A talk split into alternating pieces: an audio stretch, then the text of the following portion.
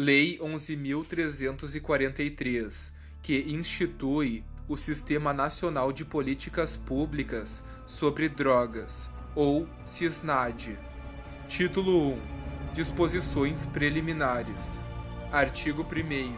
Esta lei institui o Sistema Nacional de Políticas Públicas sobre Drogas, ou CISNAD. Título 2 do Sistema Nacional de Políticas Públicas sobre Drogas. Artigo 3. O CISNAD tem a finalidade de articular, integrar, organizar e coordenar as atividades relacionadas com item 1, a prevenção do uso indevido, a atenção e a reinserção social de usuários e dependentes de drogas. Item 2, a repreensão da produção não autorizada e do tráfico ilícito de drogas.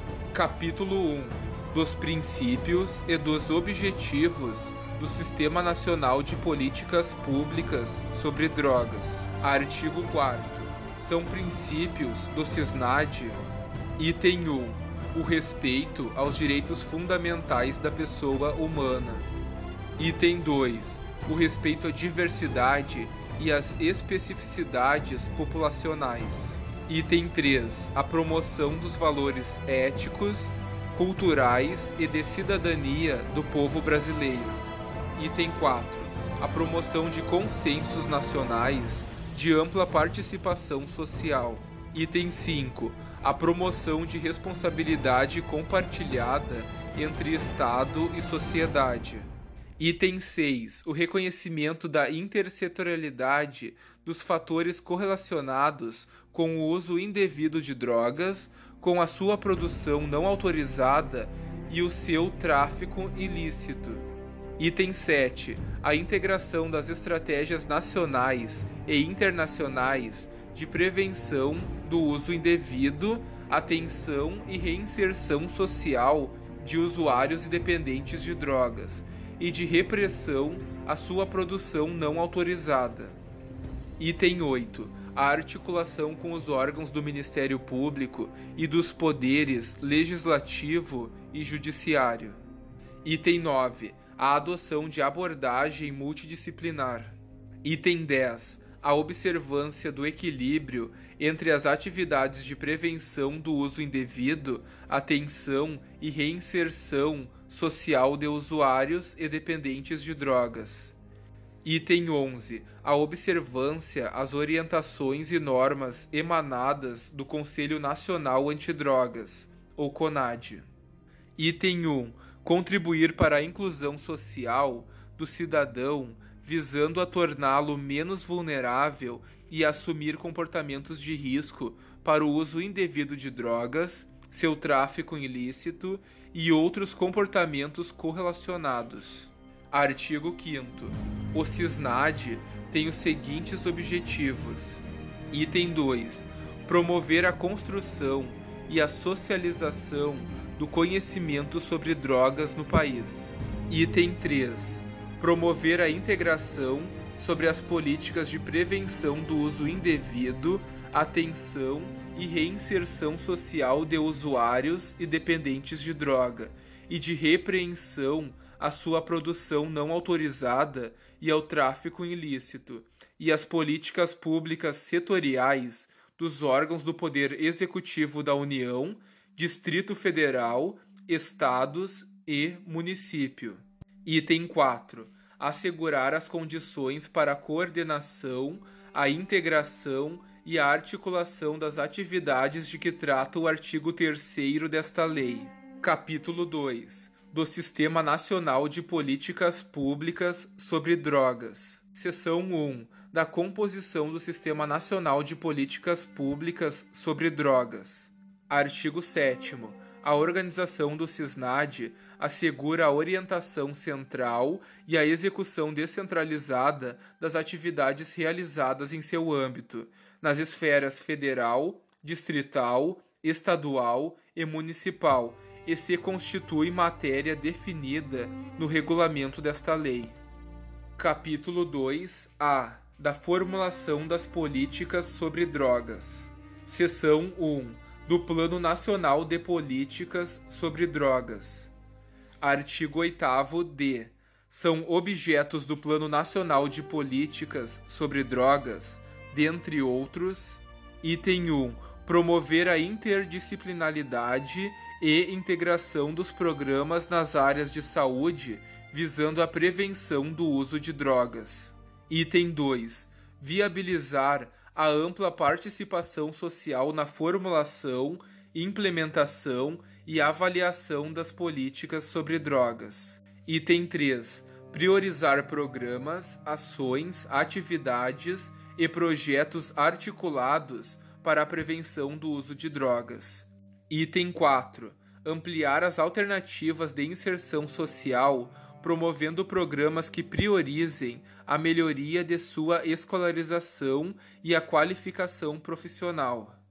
Item 5. Promover o acesso do dependente de drogas a todos os serviços públicos. Item 6. Estabelecer diretrizes para garantir a efetividade das políticas sobre drogas. Item 7. Fomentar a criação do serviço de atendimento telefônico com orientações e informações para apoio aos usuários. Item 8. Articular programas, ações e projetos de incentivo ao emprego, renda e capacitação para o trabalho, a pessoa que cumpriu o plano individual de atendimento nas fases de tratamento ou acolhimento. Item 9. Promover formas coletivas de organização para o trabalho redes de economia solidária e o cooperativismo como forma de promover autonomia ao usuário ou dependente de drogas, egresso de tratamento. Item 10. Propor a formulação de políticas públicas que conduzam à efetivação das diretrizes e princípios. Item 11. Articular as instâncias de saúde, assistência social e de justiça no enfrentamento ao abuso de drogas. Item 12. Promover estudos e avaliação dos resultados das políticas sobre drogas. Parágrafo 2. O poder público deverá dar a mais ampla divulgação ao conteúdo do Plano Nacional de Políticas sobre Drogas. Título 3 das atividades de prevenção do uso indevido, atenção e reinserção social de usuários e dependentes de drogas. Capítulo 1 da Prevenção. Seção 1 das Diretrizes. Artigo 19. As atividades de prevenção do uso indevido de drogas devem observar os seguintes princípios e diretrizes. Item 1 o reconhecimento do uso indevido de drogas como fator de interferência na qualidade de vida do indivíduo e na sua relação com a comunidade a qual pertence. Item 2. A adoção de conceitos objetivos e de fundamentação científica como forma de orientar as ações dos serviços públicos. Item 3. O fortalecimento da autonomia e da responsabilidade individual em relação ao uso indevido de drogas. Item 4. O compartilhamento de responsabilidades e a colaboração mútua com as instituições. Item 5. A adoção de estratégias preventivas diferenciadas e adequadas às especificidades socioculturais. Item 6. O reconhecimento do não uso do retardamento do uso e da redução de riscos como resultados desejáveis das atividades de natureza preventiva. Item 7. O tratamento especial dirigido às parcelas mais vulneráveis da população. Item 8. A articulação entre os serviços que atuam em atividades de prevenção do uso indevido de drogas e a rede de atenção a usuários e dependentes. Item 9. O investimento em alternativas esportivas, culturais, artísticas, profissionais, entre outras, como forma de inclusão social e de melhoria na qualidade de vida. Item 10. O estabelecimento de políticas de formação, continuada na área de prevenção para profissionais da educação nos três níveis do ensino. Item 11. A implantação de projetos pedagógicos de prevenção do uso indevido de drogas. Item 12. A observância das orientações e normas emanadas do CONAD.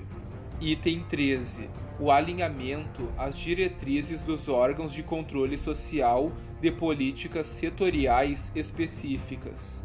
Parágrafo único. As atividades de prevenção do uso indevido de drogas dirigidas à criança e ao adolescente deverão estar em consonância com as diretrizes emanadas pelo Conselho Nacional dos Direitos da Criança e do Adolescente, o CONANDA. Seção 2 da Semana Nacional de Políticas sobre Drogas. Artigo 19-A fica instituída a Semana Nacional de Política sobre Drogas, comemorada anualmente na quarta semana de junho. Parágrafo 1. No período de que trata o caput, serão intensificadas as ações de. Item 6. Mobilização dos sistemas de ensino. Item 1. Difusão de informações. Item 2. Promoção de eventos. Item 3 difusão de boas práticas de prevenção. Item 4. Divulgação de iniciativas. Item 5. Mobilização da comunidade. Capítulo 2. Das atividades de atenção e de reinserção social de usuários ou dependentes de drogas. Seção 1. Disposições gerais. Artigo 22. As atividades de atenção e as de reinserção social do usuário e do dependente de drogas e respectivos familiares devem observar os seguintes princípios e diretrizes. Item 1. Respeito ao usuário e ao dependente de drogas. Item 2. A adoção de estratégias diferenciadas de atenção à reinserção social do usuário e do dependente de drogas e respectivos familiares, que considerem as suas peculiaridades socioculturais. Item 3. Definição de projeto terapêutico individualizado, orientado para a inclusão social e para a redução de riscos e de danos sociais e à saúde.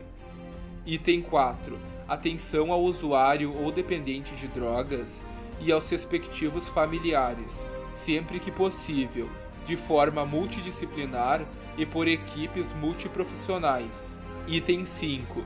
Observância das orientações e normas emanadas do CONAD.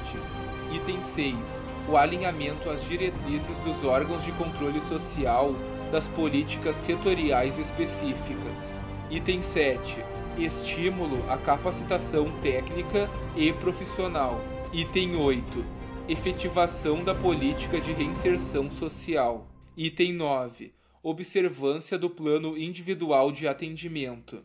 Item 10. Orientação adequada ao usuário ou dependente de drogas, quanto às consequências lesivas do uso de drogas, ainda que ocasional. Capítulo 3 dos crimes e das penas. Artigo 27 as penas previstas neste capítulo poderão ser aplicadas isolada ou cumulativamente, bem como substituídas a qualquer tempo, ouvidos o Ministério Público e o defensor. Artigo 28. Quem adquirir, guardar, tiver em depósito, transportar ou trouxer consigo para consumo pessoal drogas sem autorização ou em desacordo com determinação legal ou regulamentar, será submetido às seguintes penas: Item 1. Advertência sobre o efeito das drogas. Item 2. Prestação de serviços à comunidade. Item 3. Medida educativa de comparecimento a programa ou curso educativo. Parágrafo 1. As mesmas medidas submete-se quem, para seu consumo pessoal, semeia, cultiva ou colhe plantas destinadas à preparação de pequena quantidade de substância ou produto capaz de causar dependência física ou psíquica. Parágrafo 2. Para determinar se a droga destinava-se a consumo pessoal, o juiz atenderá à natureza e à quantidade da substância apreendida, ao local e às condições em que se desenvolveu a ação, às circunstâncias sociais e pessoais, bem como à conduta e aos antecedentes do agente. Parágrafo 3. As penas previstas no inciso 2 e 3 do caput deste artigo serão aplicadas pelo prazo máximo de cinco meses. Uh, os incisos 2 e 3 é prestação de serviços à comunidade e o 3 é medida educativa de comparecimento a programa ou curso educativo. Parágrafo 4. Em caso de reincidência, as penas previstas nos incisos 2 e 3 do caput deste artigo serão aplicadas pelo prazo máximo de 10 meses. Parágrafo 5. A prestação de serviços à comunidade será cumprida em programas comunitários, entidades educacionais ou assistenciais, hospitais, estabelecimentos congêneres, públicos ou privados, sem fins lucrativos que se ocupem, preferencialmente, da prevenção do consumo ou da recuperação de usuários ou dependentes de drogas. Parágrafo 6. Para garantia do cumprimento das medidas educativas a que se refere o caput nos incisos 1, 2 e 3, a que injustificadamente se recuse o agente, poderá o juiz submetê-lo sucessivamente a item 1 admoestação verbal. Item 2. Multa. Parágrafo 7. O juiz determinará ao poder público que coloque à disposição do infrator gratuitamente estabelecimento de saúde, preferencialmente ambulatório, para tratamento especializado. Artigo 29.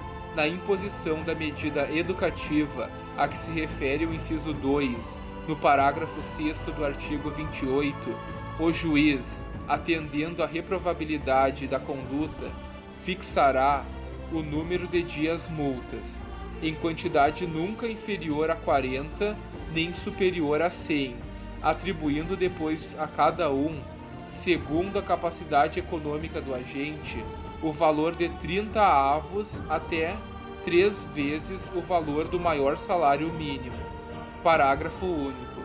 Os valores decorrentes da imposição da multa a que se refere o parágrafo 6 do artigo 28 serão creditados à conta do Fundo Nacional Antidrogas. Artigo 30.